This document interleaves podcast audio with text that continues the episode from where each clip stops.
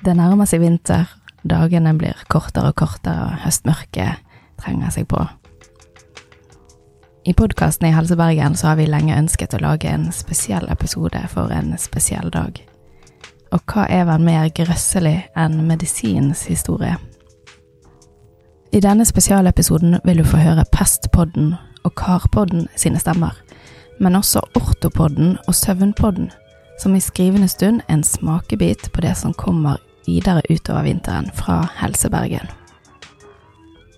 Dette er en lang episode, og kanskje ikke for de med blodfobi eller nervøse nerver, men produsenten vår Marius han har prøvd å forholde oss i det flagrende skinnet. Len deg tilbake med noe varmende i koppen, og bli med oss tilbake til der det hele startet.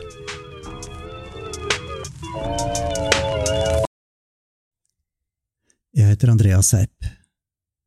Jeg er ryggkirurg og lever av å operere rygger, enten aldersforandringer, av og til skader. Til det stygge skader, og stygge skader har mennesker alltid hatt. Det er klart, forstuer du ankelen, så klarer du deg på egen hånd, men den dagen den knuste arm- eller beinskaden rammer deg, hvor beinpipene stikker ut, da, da trenger du noen som er vant med, med de stygge skadene. Så jeg tror at til alle tider så har vi hatt en spesialisering hvor noen har levd av å håndtere de styggeste skadene, så jeg, jeg tror jeg har et gammelt yrke. Eh, vi finner jo i hvert fall helt fra steinalderen av spor av skadebehandling som må ha vært brukbar. Veldig kjent er jo at flere steinalderfolk har åpenbart klart å operere på kraniet til folk, for vi finner hodeskaller flere steder i verden som det er skrapt hull i kraniet, og så har kutt, kutt kanten i kraniet tilhelt. Pasienten har åpenbart overlevd. Vi vet jo ikke hvorfor de gjorde det, dette får vi bare spekulere. Var det skader de behandlet? Var det magisk tenkning? Var det en straff? Var det mm, psykiatriske lidelser de ville behandle? Det vet vi ikke, men noen gjorde dette. Noen kunne håndverket å skrape hull i kraniet til folk, og, og få dem til å overleve etterpå. Så da vil vi jo tro at de hadde evne til å behandle andre skader også. Antagelig er jo dette erfaringsbasert, at du begynner med å behandle noen skader, og så kommer du mer i gang, men i sivilisasjoner så vil jo dette bli et system på.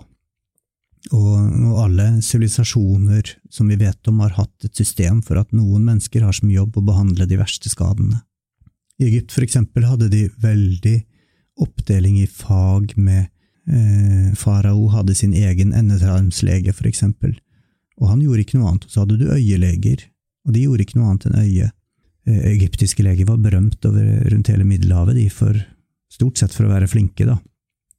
Strenge, strenge, regler ble det etter hvert. Det var et veldig hierarkisk system hvor det var streng lovgivning, hvor mye fikk du lov å ta betalt, og hvordan skulle du behandle, og du skulle definitivt bare følge den offisielle læreboken i faget ditt læreboken for behandling av endetarmsykdommer, læreboken for behandling av skader. Eh, og en del av disse lærebøkene er jo funnet, ikke mange selvfølgelig, men en veldig kjent en er jo denne Edmund Smith-papyrus, som er skrevet ned eh, ca. 1800 år før Jesus levde. Eh, den er i hvert fall så gammel, men litt gammeldags språk alt da, som er kanskje enda eldre, så si 4000 år siden.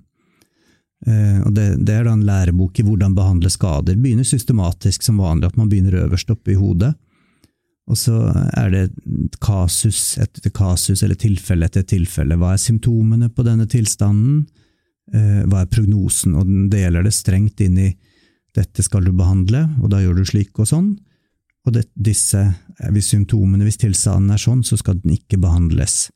Eksempel når de har passert hodet og kommet ned i nakken og de forskjellige nakkeskadene, hvis det er nakken er skadet og det er vondt og øynene er røde og pasienten sier sånn og slik, så skal du la han ligge, strekke han litt ut, binde noe rødt kjøtt og sånn og slik, og si at dette skal jeg behandle. Men hvis du har en, en nakkeskade der pasienten ikke kjenner armer og bein, og, og, faktisk har ereksjon, som er jo et veldig rart system, symptom i en skadesituasjon, da, det vet vi jo nå er en skade på ryggmargen. Da, da vil det kunne være et veldig spesielt symptom. Eh, da skal du si denne tilstanden kan ikke behandles. Og du skal si det høyt? Det står det. Og du kan straffes som lege hvis du prøver å behandle den, for da følger du ikke læreboka i Egypt. Og det, det er straffbart. Ja, og Hvorfor skal ikke du behandle? Er det etisk overfor pasienten, eller? Det er jo, får vi jo spekulere i, men, men det er jo narrskap å behandle en, en, skade som da ville vært dødelig. Eh, da er du jo en svindler hvis du tar betalt for det, for eksempel, går jeg ut fra. Det har jeg tenkt. Um, og du setter deg selv i vanry hvis du tror du kan behandle noe som ikke kan behandles, når ryggmargen er skadd. Men de fleste ryggbrudd skader jo ikke ryggmargen. Sånn at egypterne gjør jo denne inndelingen mellom ryggbrudd med nerveskade og ryggbrudd uten nerveskade. Med ryggbrudd med en ryggmargskade skal ikke behandles, men ryggbrudd uten ryggmargskade skal behandles. Og um, hva egypterne gjorde, var nok mye sengeleie, men men uh, grekerne, med Hippokrates og gjengen rundt han, de mente det var best å, å trekke ut pasienten. Altså hvis de ligger krokete og skeive, så skal du binde dem til en stige og dra dem rette på stigen, og så bandasjere med noe trepinner og lær og et slags korsettlignende ting du bygger, da, og la dem holde senga i noen uker. Uh, og det, det, holdt seg som den autoritative måten slik ryggbrudd skal behandles fra da 2000, hva blir det, 2500 år siden, eller noe sånt, når Hippokrates holdt på. Så han har vært autoriteten nå. Så dere har et veldig nært forhold til driftteknisk her på sykehuset? når dere får inn ryggskader og henter ut gardintrapper og den slags? Det det har vi, men ikke av den grunn. Og det er jo fordi eh, denne vidunderlige oppfinnelsen som kom på 1800-tallet, som står seg knallgodt fortsatt, og det er jo gipsbandasjer. Gips er jo et gammelt materiale, en bygd statuer og hus av det til alle tider, men på 1800-tallet så fant folk på at hvis du impregnerer bomullsbandasjer med eh, varm, oppvarmet gipspulver, så kan du lage en skikkelig god eh, gipsbandasje for, eh, for, brudd og for å bygge korsetter og alt mulig, og det er jo et vidunderlig materiale vi bruker fortsatt. Um, så fortsetter det videre nedover, og kommer vi ned i korsryggen hvis pasienten har en skade i korsryggen, og, eh, og de beskriver noe jeg kjenner mener må være en vanlig isjas nede i foten. Og isjas er jo en vanlig tilstand, så vi får jo tro at folk fikk isjas i Egypt også. Så står det dette er en skade du skal behandle. Da skal du legge pasienten på ryggen, og så skal du Og så er papyrusen revet over. Så ved kasus 48 så får vi ikke vite hvordan de behandlet vondt i ryggen med Ishas i for da er det slutt på den. Fremdeles et mysterium. Det er rett og slett en cliffhanger. Litt sørgelig. Så, så, egypterne hadde åpenbart systematikk på behandlingen sin, men eh, de skrev ikke noe om å operere på disse ryggene. I romertiden var det mange leger og um, det var behov for dem. De var populære til dels, og fikk etter hvert eh, skattefritak, og til og med fritak for militær tjeneste, og det ble mer og mer populært å kalle seg lege. Hvem vil vel ikke skattefritak, og hvem vil vel ikke slippe å havne inn i den romerske hæren? Så omtrent eh, på kristig tid så ble dette lovregulert, man begynte å få skoler og bøker og regler, hvem har lov til å kalle seg lege, du må følge en bestemt utdanning. Så medisinstudenter har vi hatt i 2000 år. Romerne opererte lite på rygger også. De, de, vi vet jo en god del om gladiatorskader. Eh, det er skrevet eh, lange bøker om det alt da, om, de forskjellige skadene som disse stakkars gladiatorene ble utsatt for. Eh, rift og kutt fra dyr, sverd, stikk med, med spyd og så. Og det er klart, åpne, dype sårskader vil jo ofte bli infisert, så det går veldig mye hvordan skal du behandle infiserte, dype sår og eh, infeksjoner i knokler, det vi nå kaller for osteomyelitter, og beskriver hvordan det ser ut, hvordan det arter seg, og for så vidt så de, gjorde de jo mye av det vi ville gjort nå. Du må ta bort det døde og, og gale.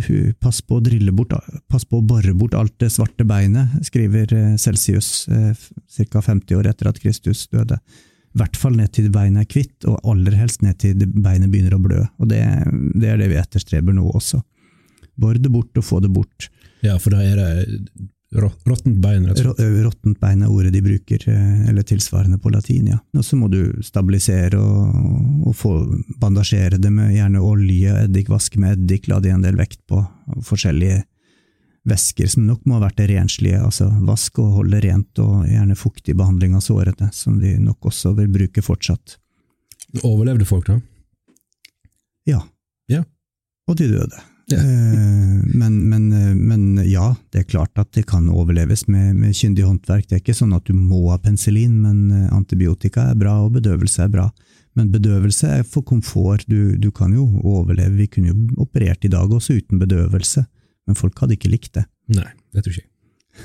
Celsius, som var en slags idrettsleder for gladiator, idrettslege for gladiatorene, skrev jo at hvis, eh, hvis ryggen er skadd og pasienten er lam, så kan du spå at det tar ikke mer enn tre dager før pasienten er død. Så da var pasienten død innen tre dager. Og det er du enig med i dag òg, da? Hvis du ikke får behandling?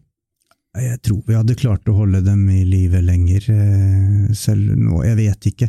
Det, det, det man dør av med en ryggmargskade, er jo enten urinveisinfeksjoner som blir til blodforgiftning, fordi avløpet er vanskelig, sånn at eh, hvis du dør i løpet av tre dager, så må det ha vært en form for blærespreng med infeksjon og, øh, og blodforgiftning etter det, så det kan nok godt skje. Men det er klart, hvis du er heldig og får av deg vannet, så tar det jo noen uker før du dør av trykksåret.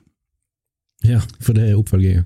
Eh, Det, det, det er de to tingene som dreper deg med en ryggmargskade, er trykksår eller urinveisinfeksjoner. Mm. Og det er det fortsatt for mange mennesker i verden i dag. Eh, ryggmargskade er prinsipielt en dødelig skade hvis ikke du har god sykepleie. Eh, med god sykepleie, som vi har hatt de siste 170 årene siden Florence sto fram i Krimkrigen, så har ryggmargskade hatt normal livslengde, og det har de i Norge i dag. Eh, Så en ryggmargskadd person i dag har normal forventet livslengde sammenlignet med resten av befolkningen. Ikke på grunn av leger, dessverre, men på grunn av god sykepleie. Hva skjedde på en måte fra romertida og framover? Hvordan var det å være en ryggskadepasient? Jeg tror nok at romerne opererte en del. Eh, Det ser sånn ut i skrevet, i hvert fall nok om det til at vi tror det. Men Romerriket falt jo sammen, da. Eh, Selv om de ikke opererte på rygger. Den første, første sånn gode beskrivelsen av en ryggoperasjon er så seint som 700 år etter Kristus. Eh, Så vi, vi har lærebøker fra en gresk lege eh, som skrev at hvis pasienten er større eller mindre grad lam etter en ryggskade, så kan du gjøre det vi nå kaller en laminektomi.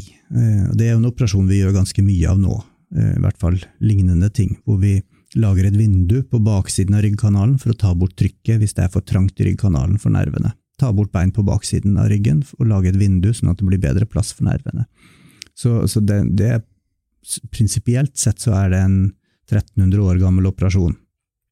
Men, men han, han som skrev den, skrev også at dette er det siste du skal prøve, for det vanlige utfallet er at pasienten dør. Og, og den er nevnt i alle lærebøker siden, at rygger kan opereres, du kan laminektomere, men, men det er alltid med et lite vedheng. Eh, la det helst være, og hold deg gjerne litt unna disse pasientene, for det går ikke så veldig bra. Spesiell fyr, da. Hvis han, eh, altså, hvis- han klarte å få han til å overleve på første forsøk, så ok, men hvor, hvor mange ganger prøver du på det der før du eh, Nei, det har jeg også undret eh, meg over. Um, de, disse operasjonene ble ikke vanlige før på sånn rundt eh, 1820-tallet begynte man igjen. Og, og da var det en engelskmann som, som igjen gjorde denne laminektomien og skrev om det, og syntes han fikk det bra til, men pasienten døde jo etter to-tre to, dager. Han prøvde igjen også. og han, han havnet jo i en veldig, veldig hard strid på 1800-tallet, særlig i England, hvor noen kirurger mente at laminektomier kunne være riktig å gjøre i de desperate situasjonene. Andre mente at dette var galt, og eh, de to frontfigurene var i en voldsom strid som gikk gjennom år i disse tidsskriftene, hvor de skrev ganske skarpe brev mot hverandre. Han ene skrev til han andre at en mann må være død for ikke å kunne bli skadet mer av denne operasjonen. Men det ble gjort, og så skrev man i tidsskriftene, da det var mye kasustikker på den tiden, de telte jo ikke i regneark som vi gjør nå, på tidlig 1800-tall, men, men de skrev jeg har operert så og så mange pasienter, og så og så mange døde, så og så mange hadde ingen forandring, så og så mange ble bedre. Altså. På slutten av 1800-tallet så skjønte man, da var statistikken lenger kommet. Eh, Der har vi jo Eilertsund i Norge, var jo veldig kjent i å løfte fram statistikk i dette, så Norge skal være litt stolt av eh, i statistikken der. Vi er gode på register, tydeligvis. ikke? ja, antagelig. Ja, vi er det fra, fra hans sin tid. Så begynte man å telle opp da, disse kasustikkene i tidsskriften, og samlet sammen eh, over 100 laminektomikasustikker ved ryggskader, og fant at det går jo det vi må karakterisere som svært dårlig på 1800-tallet i England, med de som blir laminektomert, sånn at en fant ut at ryggbrudd bør ikke opereres med å bare lage plass baktil. Mm. Heldigvis så fikk man jo røntgen helt sist på 1800-tallet også. Ja, jeg skulle til å si det. Det, det, det slår meg at kvinner er jo veldig viktig i denne ortopedihistorien med Florence, som du sa tidligere, som, Mm. som på en måte fikk opp det yrket, da, altså pleier, og fikk det til å bli et respektert yrke. Og så kom det ei anna med sånn radioaktiv dagbok eh, etterpå. Vi tenker på en måte på det Du har de som knekker ryggen fordi de er beinskjøre, og der er jo kvinner mer rammet. Men de som knekker ryggen fordi skaden er så hard og stygg, det, det er ofte, oftest menn, ja. Og ikke så sjelden at det har med enten idrettsaktivitet eller, eller arbeid å gjøre. Ja, Ok, men jeg forgreip jo hele tidsrekka her. litt, For du, du, du, den, den lille istid, holdt på å si, når eh, med sult og pest og undergang, så, eh, så forsvinner jo mye kunnskap, ikke? Det gjør det, vet du. Romerriket går under når, eh, når, eh, lille, når det blir kaldt i Europa og i verden på 400-tallet. Eh, Og egentlig en økologisk katastrofe, som vikingene vel kalte Fimbulvinteren seinere. Europa fallerer jo, Vest-Romerriket går under.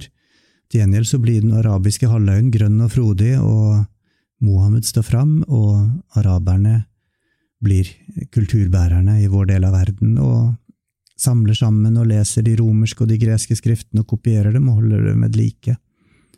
Og bygger jo også opp eh, institusjoner for syke, som, eh, som vi jo ikke hadde i antikken. Det var, du, du gikk til legen som behandlet deg hjemme, men, eh, men araberne bygger sykehus og, som institusjoner som folk kan komme og, og bo på og, og være til de er friske, eller bedre å få stelle og pleie. Antagelig hadde de lært det i India, for de hadde hatt det lenger, men, eh, men det står liksom fram som noe vi fikk fra araberne her i Europa, i hvert fall. Men eh, etter hvert så våkner jo den mer vestlige verden til også, og den katolske kirken begynner å bli mektigere og rikere, og og holder jo sin beskyttende hånd over vitenskapsmenn, sånn at du begynner å få bygd opp vitenskapen igjen. Vi kan vandre trygt fra universitet til universitet, eh, forskånet for kriger og, og andre ting. Og så skriver de lærebøker, kirurgiske lærebøker som eh, Roland fra Parma og Lanfranc og andre, om eh, slik skal ryggbrudd behandles, og da er det gjerne Hippokrates sin metode man bruker. Og så nevner de at det kan opereres, men råder nærmest fra det.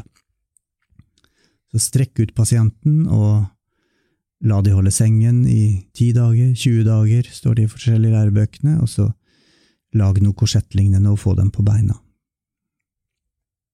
Og mye av dette her eh, vitenskapen var den eh, kjøpt og betalt, eller var den eh, altruistisk og ærlig, tror du? det vet jeg ikke. Folk skal jo ha et levebrød. Ja. Det er Nei, jeg vil jo tro at de fikk betalt. Hippokrates skriver jo en del om det, at, du, at du, må, du må avtale prisen, men, eh, men av og til må du Men i en akutt situasjon så må du behandle uten å heller håpe å få betaling, og du må akseptere at du av og til ikke får betaling for det. Du, du må ikke være for gniten, sier han. Mm. Det, siden han var en ledestjerne, så får vi håpe at de fulgte det. En fant jo ut dette at eh, det, det er sjelden lurt å operere ryggbrudd bare med å laminektomere og lage plass bak. Det, det fant man ut på 1800-tallet. Men eh, gipskorsettet kom, og det var mye ganske massiv, langvarig sengeleie, sånn at eh, mellomkrigsårene så var en gangbar metode for å behandle de høyenergi ryggbrudd, var jo strekk dem ut eh, sånn at det ser rett ut, og legg dem i en gipsseng eller et voldsomt korsett, og la dem holde senga i kanskje et halvt år. Og så tar du et eh, korsett som er så lett at de klarer å gå med det, og lar dem gå med dette korsettet i et, år, i et halvt år til. Så da snakker vi liksom en ganske belastende behandling over et år. Men Nicole han var gruvelege i England under andre verdenskrig. Og, og fikk det klart det var stygge skader i kullgruvene i England under krigen. Så, så, han samlet sammen en god del sykehistorier og talte ganske grundig opp hvordan er de behandlet, hvordan så røntgenbildene ut, og, og hvordan gikk det. Han klassifiserte resultatene ut fra tre nivåer, da. Eh, dårlig, middels eller godt. Og godt resultat etter et uh, stygt ryggbrudd, det vil han si er hvis du får arbeideren til å kunne jobbe nede i, gru, ned i gruvesjakten med å hogge ut kull nede i gruven. Fortsatt da er det et godt resultat. Best case scenario, ja. rett tilbake inn i gruven. Mens et, uh, bare et måtelig godt resultat, det er hvis de må ha lettere arbeid, det vil si, det vil si å stå og skuffe kull oppe, oppe ved tunnelåpningen i, i gruveoverflaten, og å få litt lettere gruve kullarbeid. Er bare et middels godt resultat mens et dårlig resultat etter ryggbrudd er å ikke komme tilbake i arbeid. Og Da finner han, når han teller opp hva han har gjort, og hva slags behandling de har fått, så finner han at det å eh, det å tvinge alle til denne ett års lange, grusomme behandlingen, det, det, er egentlig ikke riktig. Noen ryggbrudd er stabile og trenger bare et korsett eller litt eh, støtte og hjelp, og så fort opp på beina. Så han deler dem inn i de stabile og de ustabile bruddene.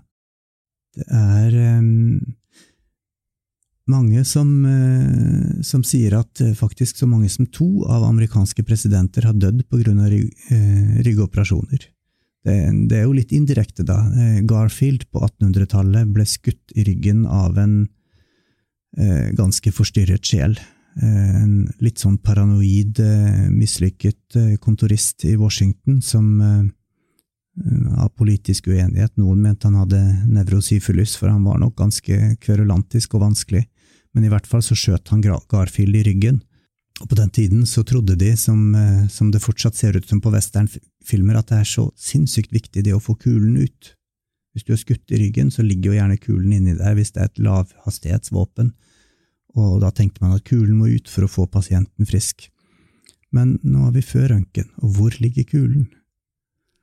Og, um, og, de rotet noe rundt og lette, og ikke helt hadde de lært om lister ennå, så de var nok kanskje litt urenslige, og, og, sårene ble infiserte, og et grusomt sykeleie over flere måneder for denne presidenten som, eh, som lå der halvlam med en infisert buk, og legene lette rundt etter kulen, og eh, Bell, som hadde funnet opp telefonen, trodde han hadde en slags metalldetektor, og lette rundt på bukoverflaten til legen om hvor kulen lå, og de åpnet han opp og grov og letta, til slutt så døde han av alt dette her. Og eh, eh gjerningsmannen eh, ble jo var jo selvfølgelig i rettssak, men han forsvarte seg med at nei, jo, vel hadde han skutt, men det var ikke han som hadde drept presidenten, det var legene som hadde operert ham med skitne hender, som hadde, som hadde drept presidenten, så det var de som burde anklages, mente han. Ja, Det høres nesten ut som du er enig. jeg vet ikke det. Eh, Kennedy hadde også en fryktelig dårlig rygg og mange ryggoperasjoner bak seg. Han var helt avhengig av et korsett for å, å sitte godt, sies det. Eh, så noen tenker jo, tenk om han hadde klart å bøye seg når han satt i denne bilen, men det kunne han jo ikke, for han satt jo med dette korsettet i den vonde ryggen han klarte ikke bøye seg unna når attentatsmannen skjøt. Er det noe den historien din viser, så er jo at det hjelper jo å stå på sitt og, og stå i det, for det tok oss en 2000-3000 år før vi eh, gjorde denne her eh, hva du kalte det, laminering Nei, hva du kalte det? laminektomien. Laminektomien til en av de mest utførte operasjonene. Det er jo det jeg står og lever av å gjøre dag ut og dag inn, å lage plass i ryggkanalen. Det er en 1300 år gammel operasjon som eh, som har vært mistrodd i svært mange år. Og Da går du stikk i strid med læreboka? Stikk i strid med middelalderens lærebok, gjør jeg nok det. det.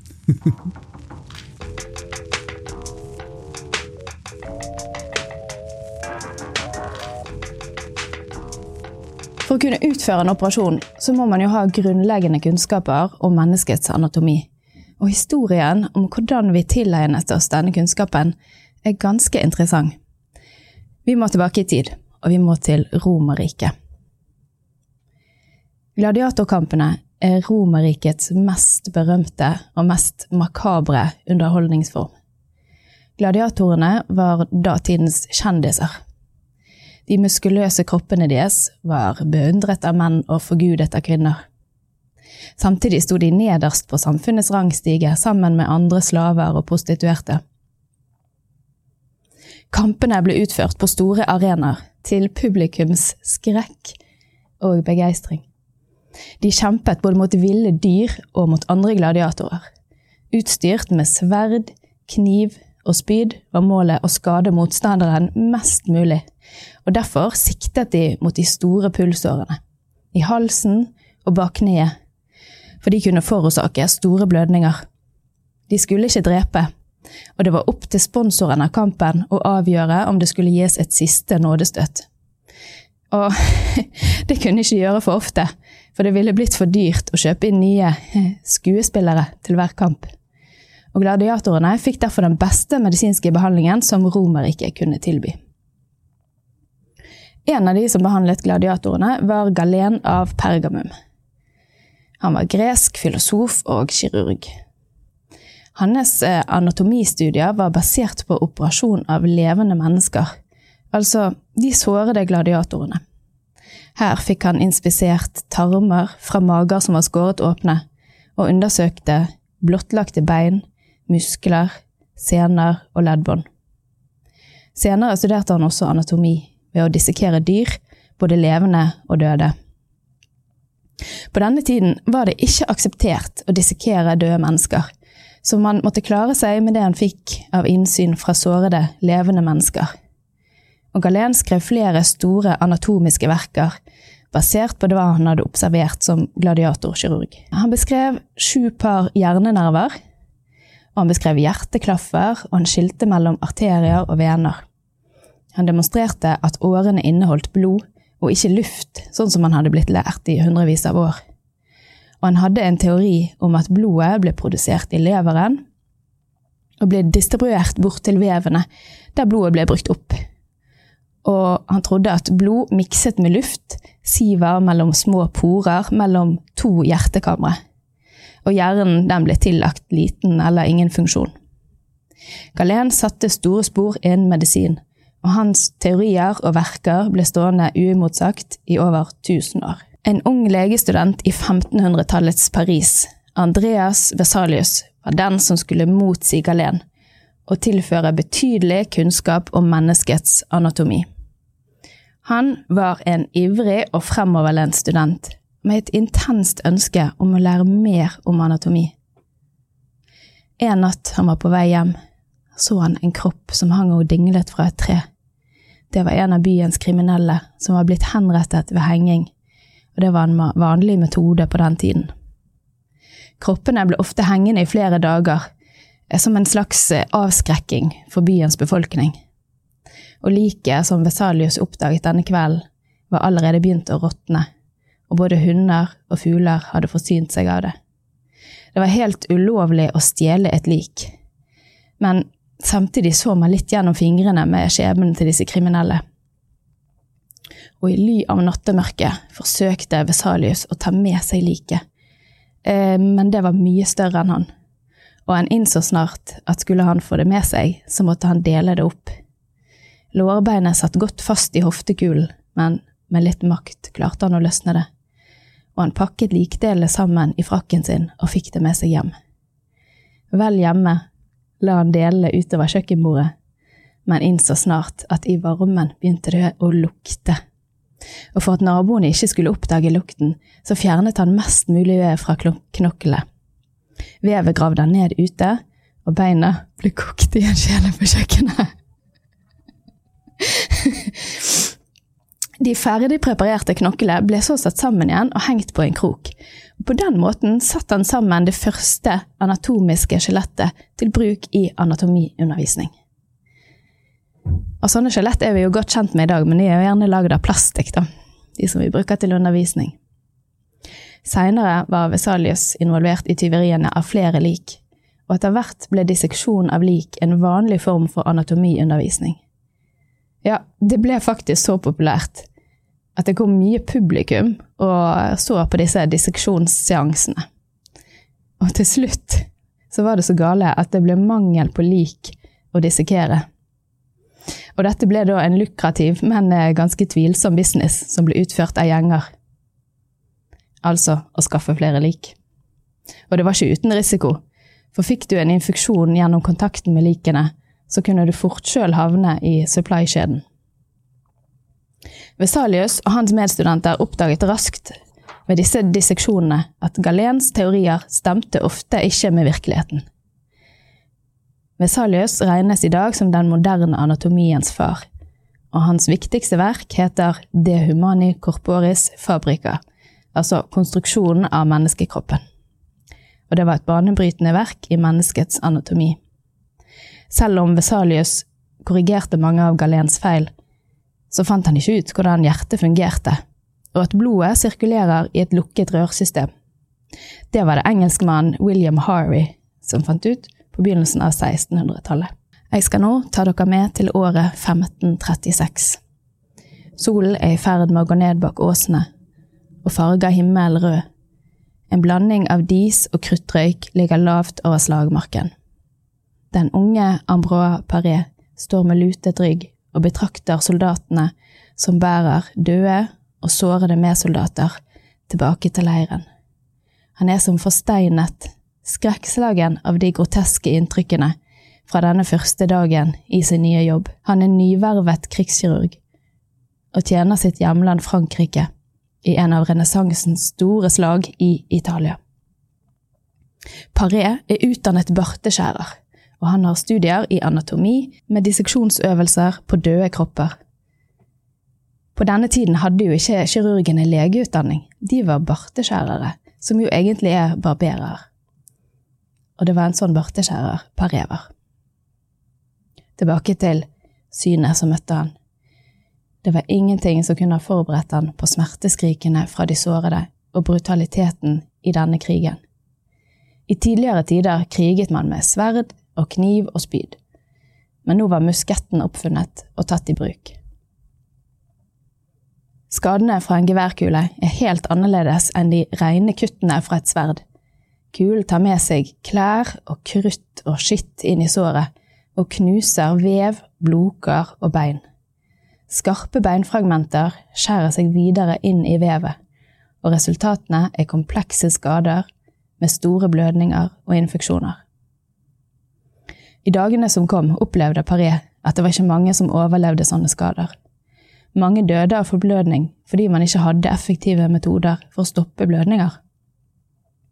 Vi har fem liter blod i kroppen cirka, og hvis man taper mer enn én liter, blir man kraftig svekket.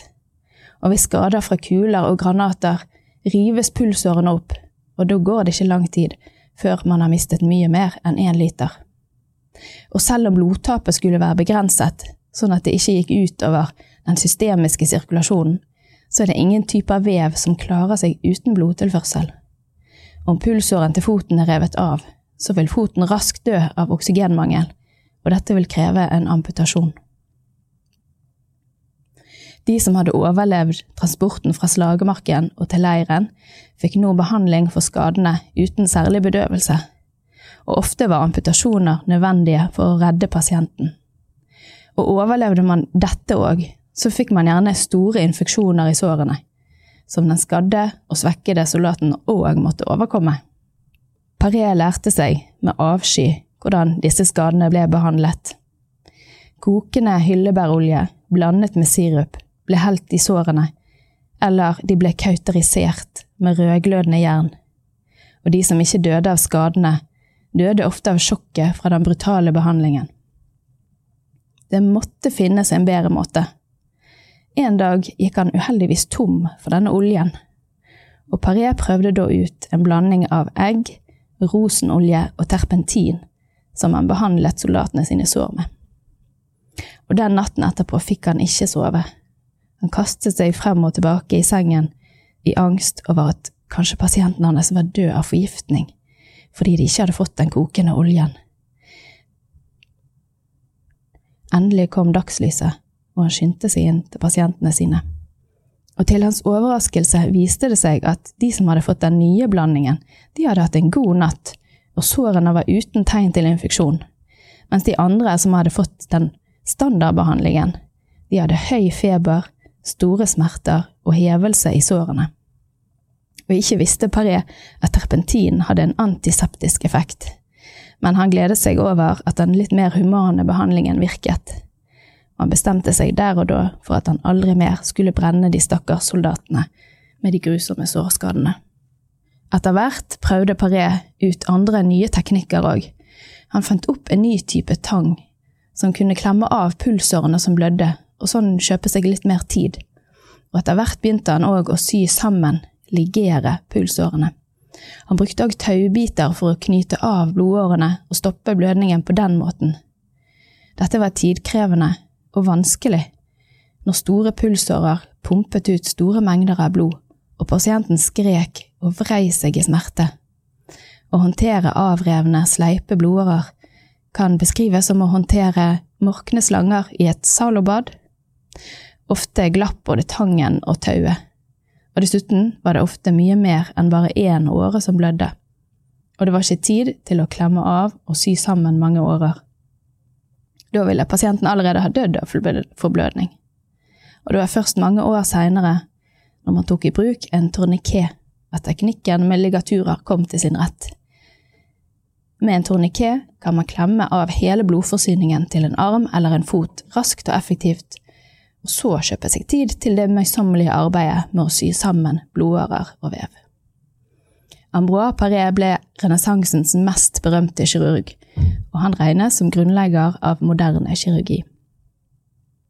For karkirurgien sin del gikk utviklingen videre svært sakte. I 1912 fikk Alexis Carrel en nobelpris for en ny teknikk med å sy sammen blodårer men behandling med operasjon av sykdommer i kar, som eksempel aneurismer eller utposinger på pulsårer, det ble ikke utført før på 1950-tallet. Men i dag har vi såkalte minimalt invasive teknikker, der man bruker kateter som føres på innsiden av blodårene, og veiledes av bildeteknikker som røntgengjennomlysing eller ultralyd. De har overtatt mye av den åpne kirurgien på blodårer.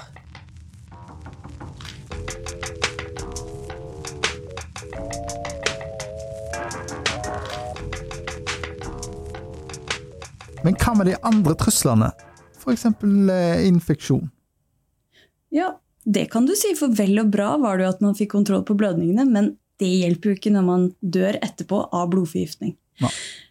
Og det bringer oss nok en gang, Jørgen, tilbake igjen til Militærkirurgene. Ja, de får vi aldri nok av. Nei. Nei medisinske fremskritt eh, de går jo ofte hånd i hånd med krig og konflikt, og dermed også blir militærkirurger i bresjen for medisinske fremskritt. Jeg har liksom alltid sett for meg at uh, soldater de dør på slagmarken sant? av uh, sverd og skytepang og sår og sant? De dør der de er. Men det er faktisk ja. ikke det som er tilfellet. For de aller fleste soldater, iallfall før moderne tid, de dør av sykdommer i militærleirene sine. De hadde ja. Tyfus og kolera, dysenteri og eh, andre smittsomme sykdommer eh, som, som, tok livet av de, eller gjorde de stridsudyktige på andre måter. Mm. Eh, men så var det jo eh, en del som døde av, av eh, infeksjoner direkte relatert til skadene, som f.eks. sårinfeksjoner og koldbrann og blodforgiftning, og så må vi ikke glemme stivkrampe. Men hvor mange tror du var det som døde etter amputasjon i den amerikanske borgerkrigen? Eh, altså Etter at de var vellykket amputert og hadde yes. overlevd selve amputasjonen? Ja. Mm. Det må jo sannsynligvis altfor mange, da? Ja, ja. Det var faktisk over halvparten. Og, og mange av disse de døde nok av infeksjonskomplikasjoner, da. Så hvordan skal en komme dette her til livs? Skal en slutte å krige? Eller har vi andre gode råd? Ja, Slutte å krige var et kjempegodt forslag, ja. men det tror jeg dessverre blir nedstemt. Ja. det er så ille. Ja, men vi, vi, vi, mennesker gjør jo ting for å slippe unna infeksjonene, og da må vi snakke litt om Semmelweis, som ja. mange sikkert har hørt om. Eh, altså legen som, som, første gang eller var, Det var vel flere som mente det, men han gikk i hvert fall i bresjen for at man skulle vaske hendene mellom obduksjon, altså likhuset, og fødestua. Ja. Som er helt naturlig i vår tid, men som den gang ikke var opplagt. Ja. ja.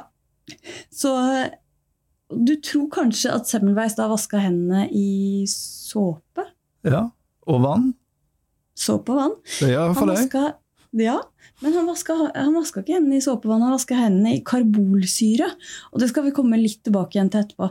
Um, men Semmelweis han ble ikke anerkjent i sin samtid. Eh, han ble eh, lurt inn på et sinnssykehus, visstnok, av en kollega.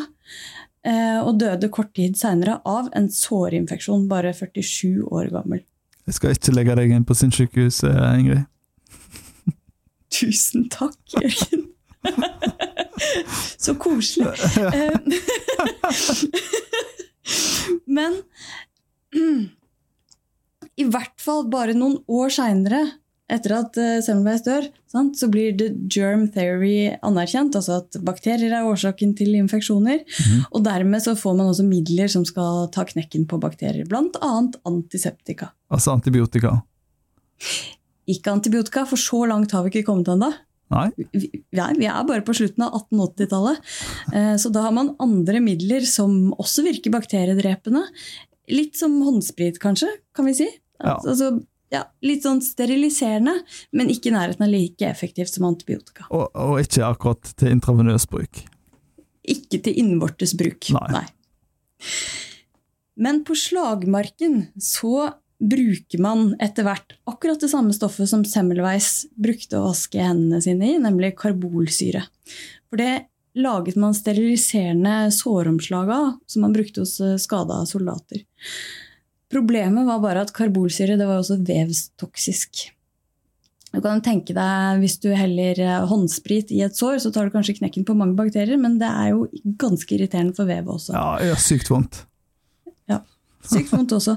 Og, og, og det var før man prøvde karbolsyre og mange andre lignende stoffer, der på slutten av 1800-tallet, tidlig 1900-tall, så hadde man opp gjennom historien prøvd mye annet å putte i sår. For eksempel myrra. Og røkelse. Ikke røkelse. Nei, nei.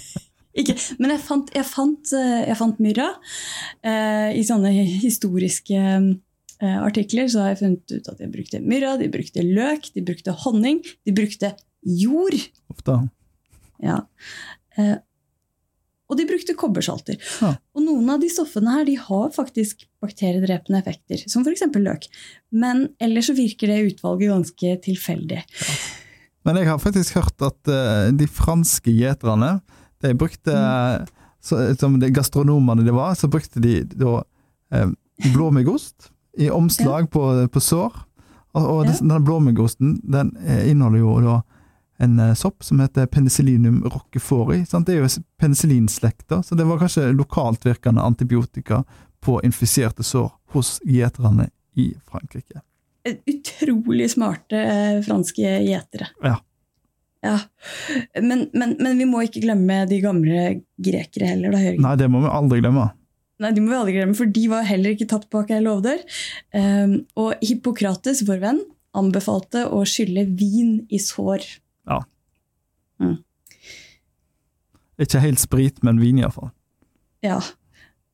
Og jeg har lett meg i hjel etter et sitat av typen Thy shall not put in leak, uh, earth, honey or other suspicious substances, but pour the red water of Bordeaux into the wound. Men det, det fins ikke noen sånne sitater. Ja, nå gjør det det. Ja, nå gjør det det. Men Hippokrates anbefalte i hvert fall vin da, Ja. i sårbehandling. Og så etter hvert så får man snillere antiseptiske behandlingsformer, der man sparer på antiseptikaene som er vevstoksiske, og heller kombinerer det med debridement, altså kirurgisk opprensing. Ja. Blant annet så har man noe som heter Carol Dackin-teknikk, eh, som det jo da selvfølgelig var en militærkirurg som fant på. Selvfølgelig. Mm. Men jo mer avansert krigføring man får, jo styggere blir sårene også. Ja, for altså, som vi snakket om, så var det jo før sverd og mann til mann, men så kom skytevåpen, det kom bomber og granater, store krefter, svære vevsødeleggelser, jord og drit langt inn i Mm. kroppen. Sant? Mm. Eh, stygge skader.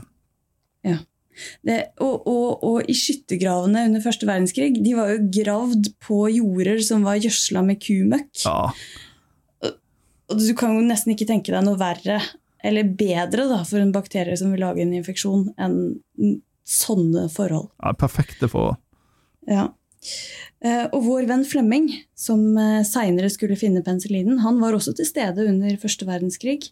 Ja. Men uten, uten antibiotika, dessverre. Mhm. Den hadde han ikke funnet ennå. Men han, han var der og dokumenterte bl.a. Eh,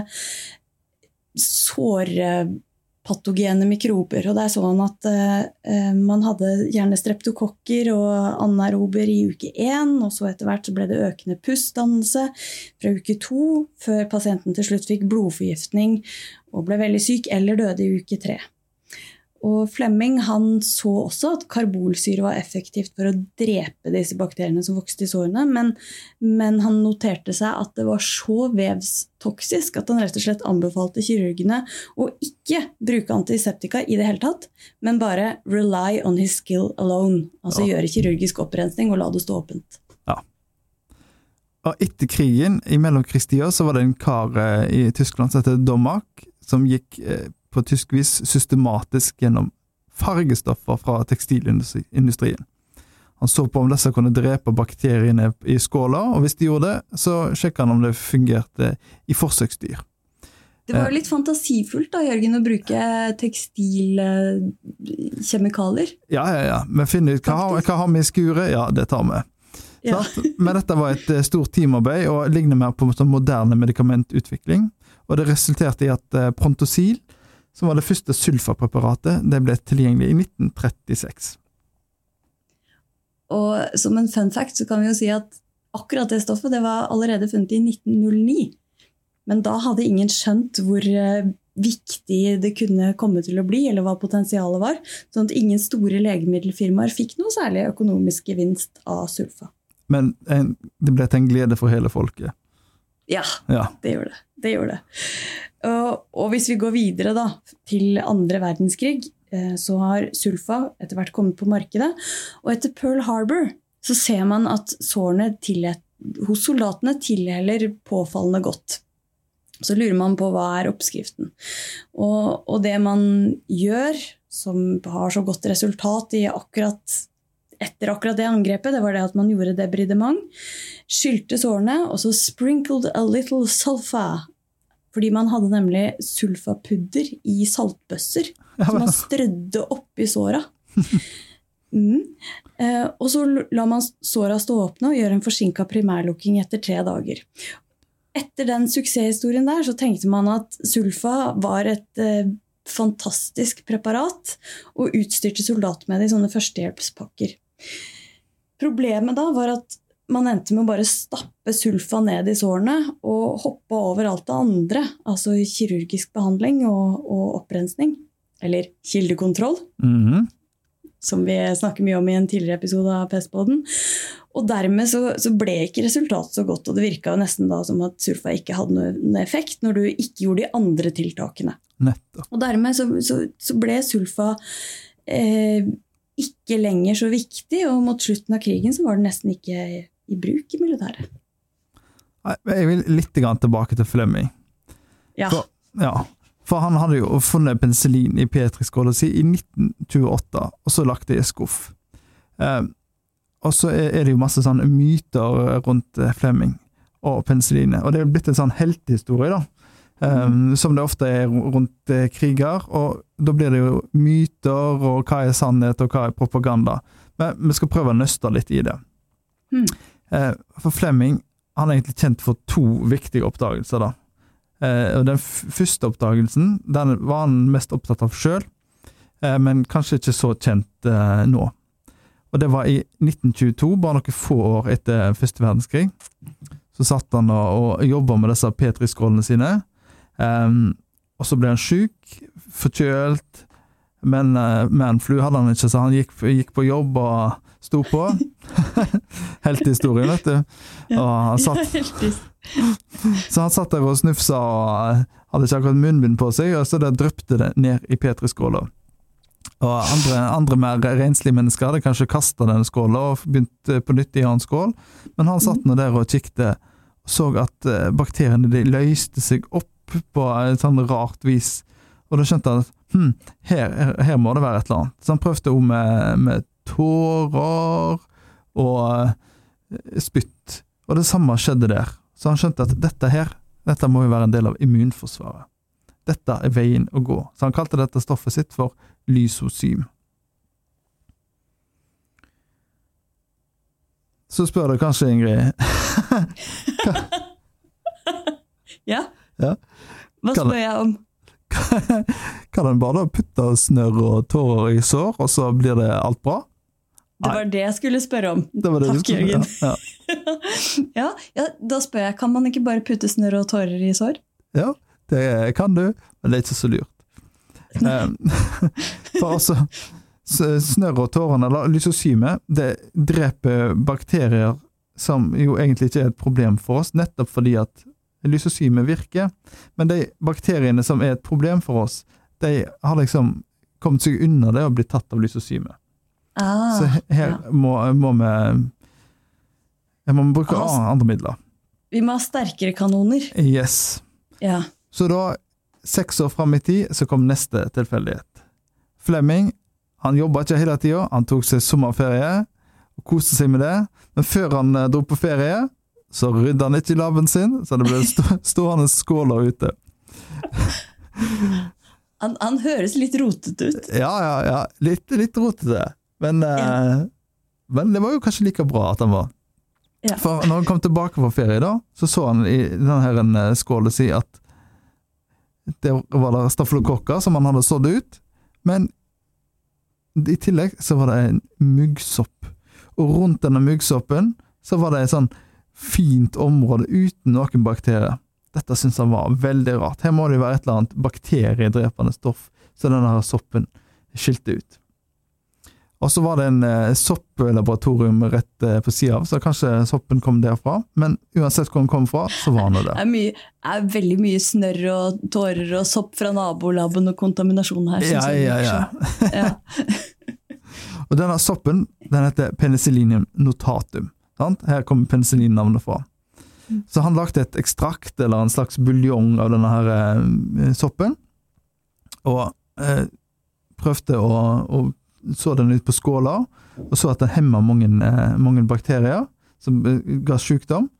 Og så prøvde han å putte det inn i forsøksdyr, og så at de tok ikke noe særlig skade av dette her. Så da må vi tro at dette blir en suksesshistorie med, med det samme, men det var litt problemer på veien. Um, han fikk ikke til å rense dette stoffet uh, og ekstrahere det skikkelig, så det var vanskelig. Og så var det en sånn generell skepsis mot, mot sånn systemisk behandling, at det skulle, skulle være for giftig og toksisk. Så Mm. han var egentlig mest opptatt av lysosyme, og penicillinet det havna i skuffen.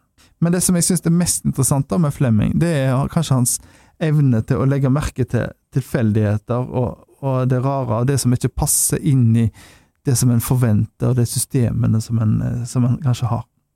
Ja. Så det, det, skal jeg, det skal jeg forsvare meg med neste gang jeg føler at det er litt rotete på pulten min. Så skal jeg bare si sånn Jeg jobber med en nobelpris. La meg være i fred. Veldig bra. veldig bra. Ja. Men altså, dette var i 1928.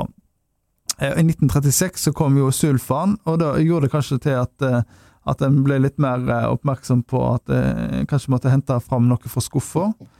Og mellomkrigstida, da var det jo flyktningetid fra Tyskland, og det kom en tysk-jødisk eh, mann som heter Hein, som var biokjemiker, og han klarte å, å rense dette her eh, penicillinet fra, fra buljongen, og han jobba sammen med en australsk patolog som heter Flory, som viste at dette her kunne brukes. Altså. Og i 1941 så ble den aller første behandling med penicillin gitt. Eh, og det var for en hudinfeksjon i ansikt og hodebunn på en, en mann som hadde fått en veldig typisk engelsk eh, skade. Han hadde gått på en rosebusk Ja. og fått en infeksjon. Og han Ja. var veldig syk da, og eh, de ga han penicillinet, og han ble veldig mye bedre. Men de hadde ikke så mye penicillin tilgjengelig, så han døde dessverre fordi han ikke fikk nok penicillin. Men jeg har lest at de til og med at de gjorde en heroisk innsats og til og med prøvde å ekstrahere penicillin fra urin til denne pasienten, og gjorde alt de kunne for å resirkulere og få nok penicillin til å fullbehandle han. Men det var håpløst. Ja. Umulig. Det tok for lang tid. Men så jobba de videre da, og fikk eh, klart å ekstrahere mer eh, penicillin, og behandla flere pasienter med hudinfeksjoner vellykka. Mm. Um, så det, dette var jo vellykka, dette måtte de prøve å masseprodusere. Men det var ikke så lett i England under krigen. Mm. Så de måtte dra til, til USA rett og slett for å få, få hjelp til dette her. Men da går det fort. Når, når de først får satt i gang masseproduksjon, så eh, Eller får samarbeida med USA. Eller i hvert fall får Susi Serken Susi i et for det. Ja, De ja. får, de får Susi de, når, det først, når det først tar seg opp, så går det fort. Og i november 1942 så gir man penicillin til såra amerikanske tropper i Oran i Afrika. ja. Det er jo litt artig da at det er Oran, for det er jo der handlingen i pesten av Camus foregår. Det er Ja. nok tilfeldig, men gøy for det. Det er tilfeldig. Jeg har prøvd å finne en sammenheng. Jeg har uh, googla og pubmedda meg i hjel her, men uh, det er tilfeldig. Men den Men- britiske og amerikanske produksjonen den øker iallfall veldig. Fra Ja. 21 milliarder enheter i 1943 til 6,8 trillioner enheter, eh, trillioner enheter i 1945. Og det blir så svære tall at jeg tenker litt sånn Donald fantasillioner her, altså. Ja, det er det. Men det er iallfall helt enorm vekst. Eh, Og den første storskalabruken av penicillin det var faktisk på D-dagen i Normandie, eh, invasjonen der, i juni 1944. Så ganske seint i krigen, egentlig.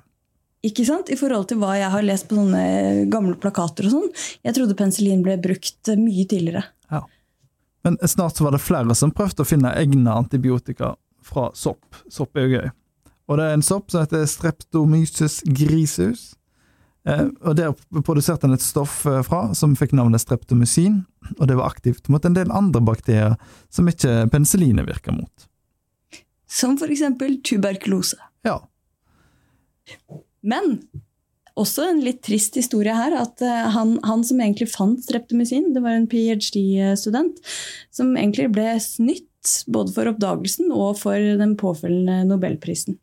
Ja, Det er ikke første gang en eh, ph.d.-student har blitt utnytta, dessverre. Nei, eller at det har vært eh, kamp om prestisje og nobelpriser, som vi kanskje egentlig bør gjøre til tema for en annen episode. Ja, det må vi. Ja, ja. Men uansett, noen år senere, under Vietnamkrigen, så var det kommet masse antibiotika.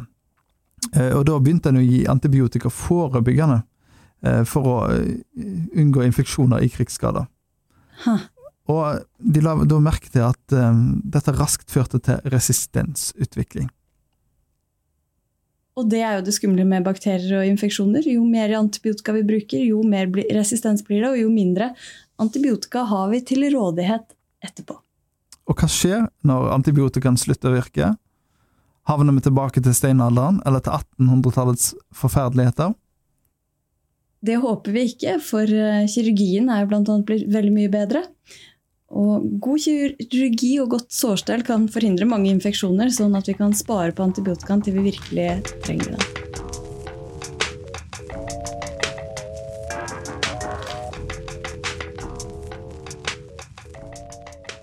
Til nå har vi hørt om hvordan Ambroise Paré revolusjonerte kirurgien ved å bruke karklemmer og tornikeer for å stanse blødninger og kjøpe seg tid, og ved å bruke terpentin for å forebygge infeksjoner.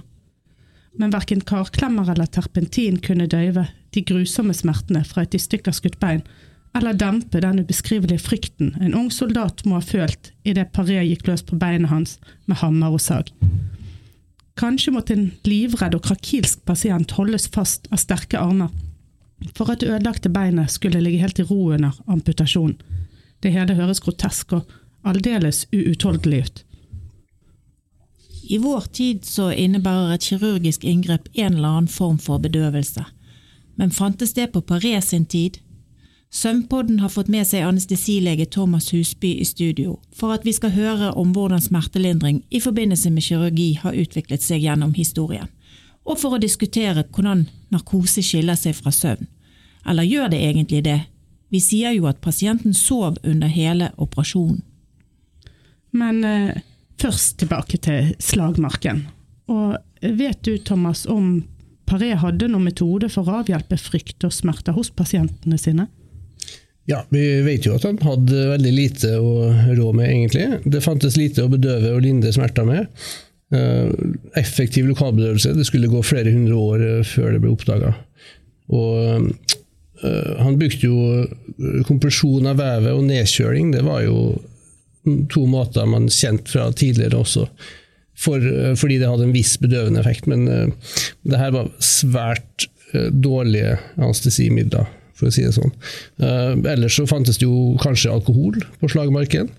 Uh, også et dårlig uh, anestesimiddel.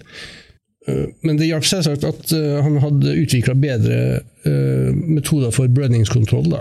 At han hadde karklemmer istedenfor sviteknikk for å stanse blødninga. Fordi å svi et vev eh, altså med varme. Det var brutalt og smertefullt. Og pasienten kunne da dø av brannskader isteden. Men, men det at han ikke hadde bedøvelse, det må jo ha begrenset operasjonsmulighetene til Paré voldsomt.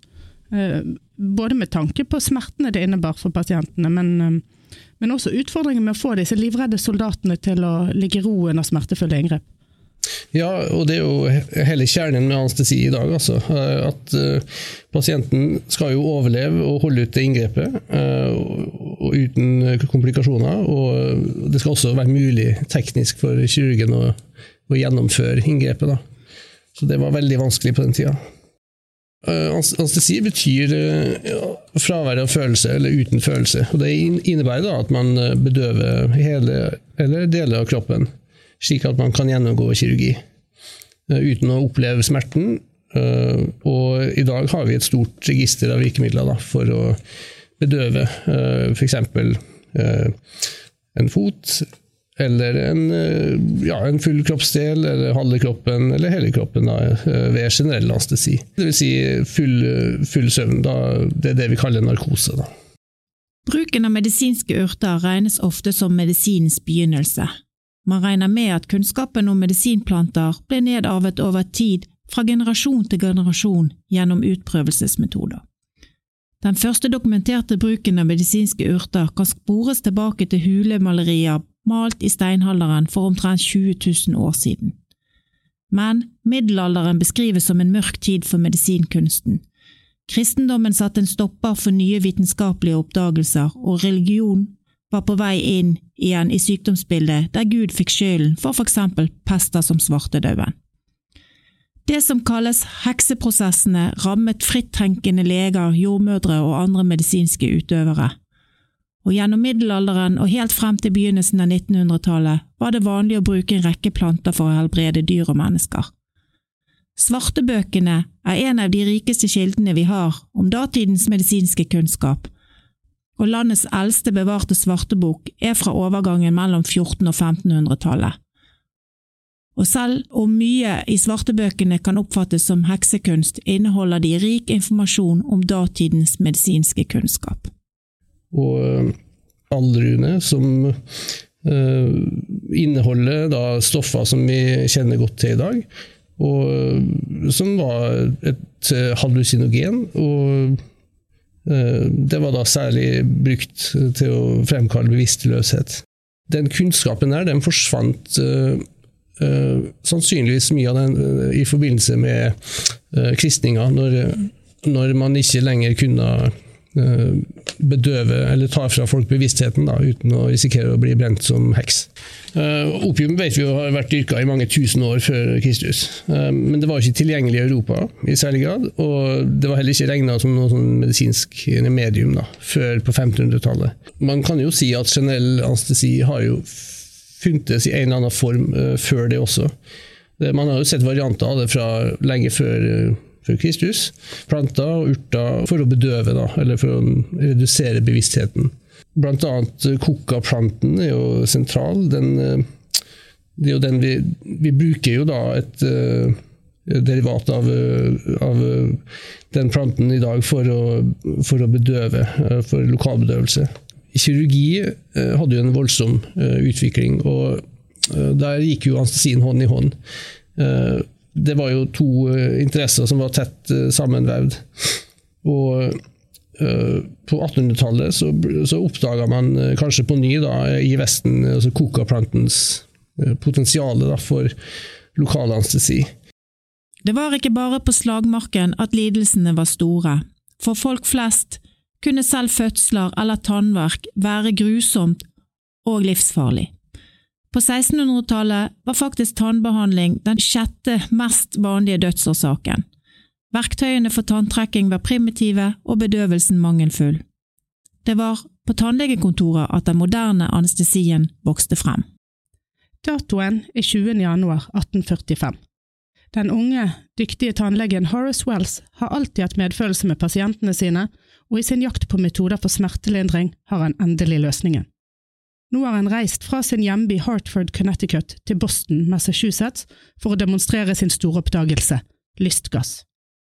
Ved å bruke lystgass har Wells flere ganger, med godt resultat, utført tanntrekking uten at pasienten har kjent smerte. Han har til og med forsøkt det på seg sjøl.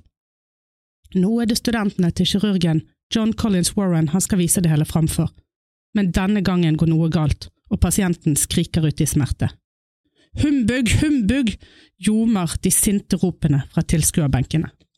Det har en, uh, lystgass har en søvndyssende og uh, rusende og svakt smertestillende effekt. Da man oppdaga det her, så, så, var det jo en tannlege som uh, kom tilfeldigvis inn på en sånn demonstrasjon på et omreisende sirkus, hvor han fikk prøve lystgass. Og, og tenkte at det her kunne jo faktisk kanskje brukes til pasienter som skulle trekke tenner. da.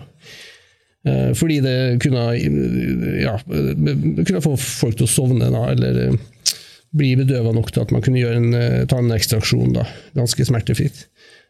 Og han prøvde jo på seg selv, og han prøvde jo i sin egen tannlegepraksis da, på uh, 15 pasienter. Og før han da tok motet til seg og da ville demonstrere det her for sine kolleger. Eh, men det gikk dessverre veldig dårlig. Han eh, venta nok ikke lenge nok før han eh, starta med tanntrekkinga. Og pasienten skreik til, og det var jo en total katastrofe for den tannlegen.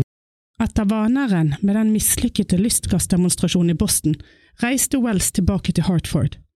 Etter kort tid ga han opp tannlegekarrieren av helsemessige årsaker, og da hans tidligere student og partner William Morton fikk æren for å oppdaget anestesien, mistet Wells etter hvert grepet på tilværelsen. Han begynte nå å selveksperimentere med en annen bedøvende gass, nemlig kloroform. Men han utviklet en rusavhengighet, med periodevis sinnsforvirring som følge, og i 1848, bare 33 år gammel, tok han sitt eget liv, som innsatt i New Yorks beryktede fengsel The Tombs. Datoen er 16. oktober 1846. I et auditorium på Boston Hospital sitter et tyvetall stresskledde menn oppover langs de harde trebenkene og følger spent med. De skal alle bli vitne til det som skal vise seg å bli en av de største hendelsene i moderne medisin. Nede på gulvet i salen står et lakentrukket trebord, og oppå bordet ligger en ung, engstelig mann. På halsen har han en stor verkebyll, en tumor, og i dag skal den fjernes. Dr. John Collins Warren er en erfaren kirurg men nå skal også han få være med på noe han ikke har prøvd før. På den andre siden av bordet står tannlegen William Morton, Horace Wells sin tidligere student og partner. Hele salen holder pusten idet Morton fører en glasskolbe med eter opp mot pasientens munn. Etter denne første vellykkede demonstrasjonen av eteranestesi skal kirurgen Warren ha sagt Gentlemen, this is no humbug. Fordi det her var helt fantastisk revolusjonerende. Eh, at det her kunne foregå eh, på en sovende pasient som lå helt stille mens kirurgen skar ut en, eh, en svulst av halsen. Men han her Morton han hadde jo på et vis testet ut eteren litt før det? Ja, han hadde vel testa den ut på seg selv. Og det er jo det man gjorde på den tida, for å finne ut om ting virka. Og men etter at han da fikk gehør og kunne demonstrere at det her faktisk virka, så gikk det jo veldig fort. Eh, og da bare allerede neste år så gjorde, gjorde man jo kirurgi i eternarkose i Norge, altså i 1847. Og det, det, sier jo litt om hvor uh, dramatisk hvor, hvor, Hvilken stor begivenhet det her var, egentlig. Men når det gjaldt æren uh, for å ha gjort det her, så, så, så, ble det en kjempestor diskusjon om hvem som egentlig hadde æren. Uh, og hvem som hadde ideen. og Morten selv han prøvde å ta et patent på eter. Han satte et annet navn på det enn eter. men da fant jo folk ut at det, det her er jo bare eter. Man eh, kan jo ikke ta patent på det. Eh, så det lyktes ikke. Og det var også slik at det var en, en annen mann, en som het Jackson, som var uh, foreleseren, som også mente at han burde ha æren. Morten hadde jo hadde jo navnet sitt på blokka over den som hadde først lagt en pasient i narkose. Mens han, han, kunne jo ikke da egentlig få noe igjen for det. Altså han, han ble jo ikke rik av det, fordi det her eter fantes jo. Det var jo slik at faktisk han kirurgen, han eh, som, eh, han som heter Warren, han mente at det her var gått for langt. Og nå ser vi at uh, Morten han lever jo omtrent på fattig, fattigdomsgrensa. og han sitter ikke igjen med noe som helst. og Da søkte vel han til den amerikanske kongressen om penger da, til uh, Morton, som, hadde, som var uh, moderne anestesiens far, kan vi si.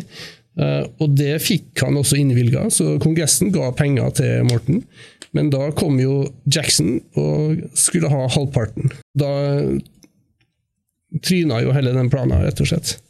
Og det var vel først kanskje på gravstøtta at uh, Morten fikk uh, da kanskje en viss Anerkjennelse. Da sto det jo på gravsteinen at han har gjort livet mye lettere for de som gjennomgår operasjonen.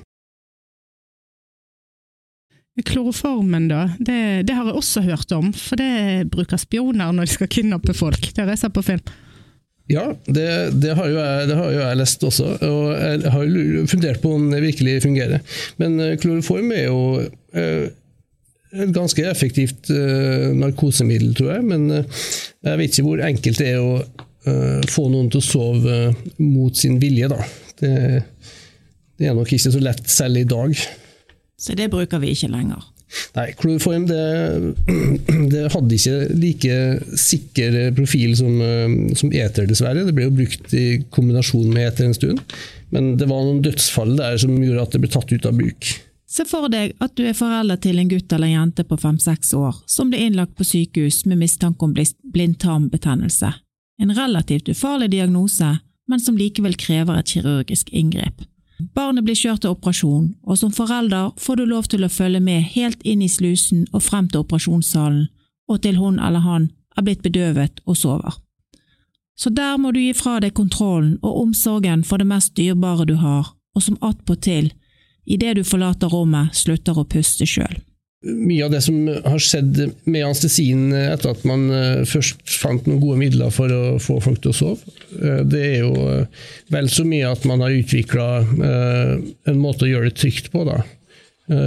For medisinene er jo i stor grad de samme som man har brukt i mange hundre år, men nå har vi altså flere måter å gjøre det på en trygg måte ved at vi overvåker grundig, og at vi gir god organstøtte. Det kan være alt fra å, at man hjelper pasienten med å puste, at man hjelper til å holde et stabilt blodtrykk eh, under operasjon, eh, og at man, eh, gir, at man erstatter blodtap og sånne ting.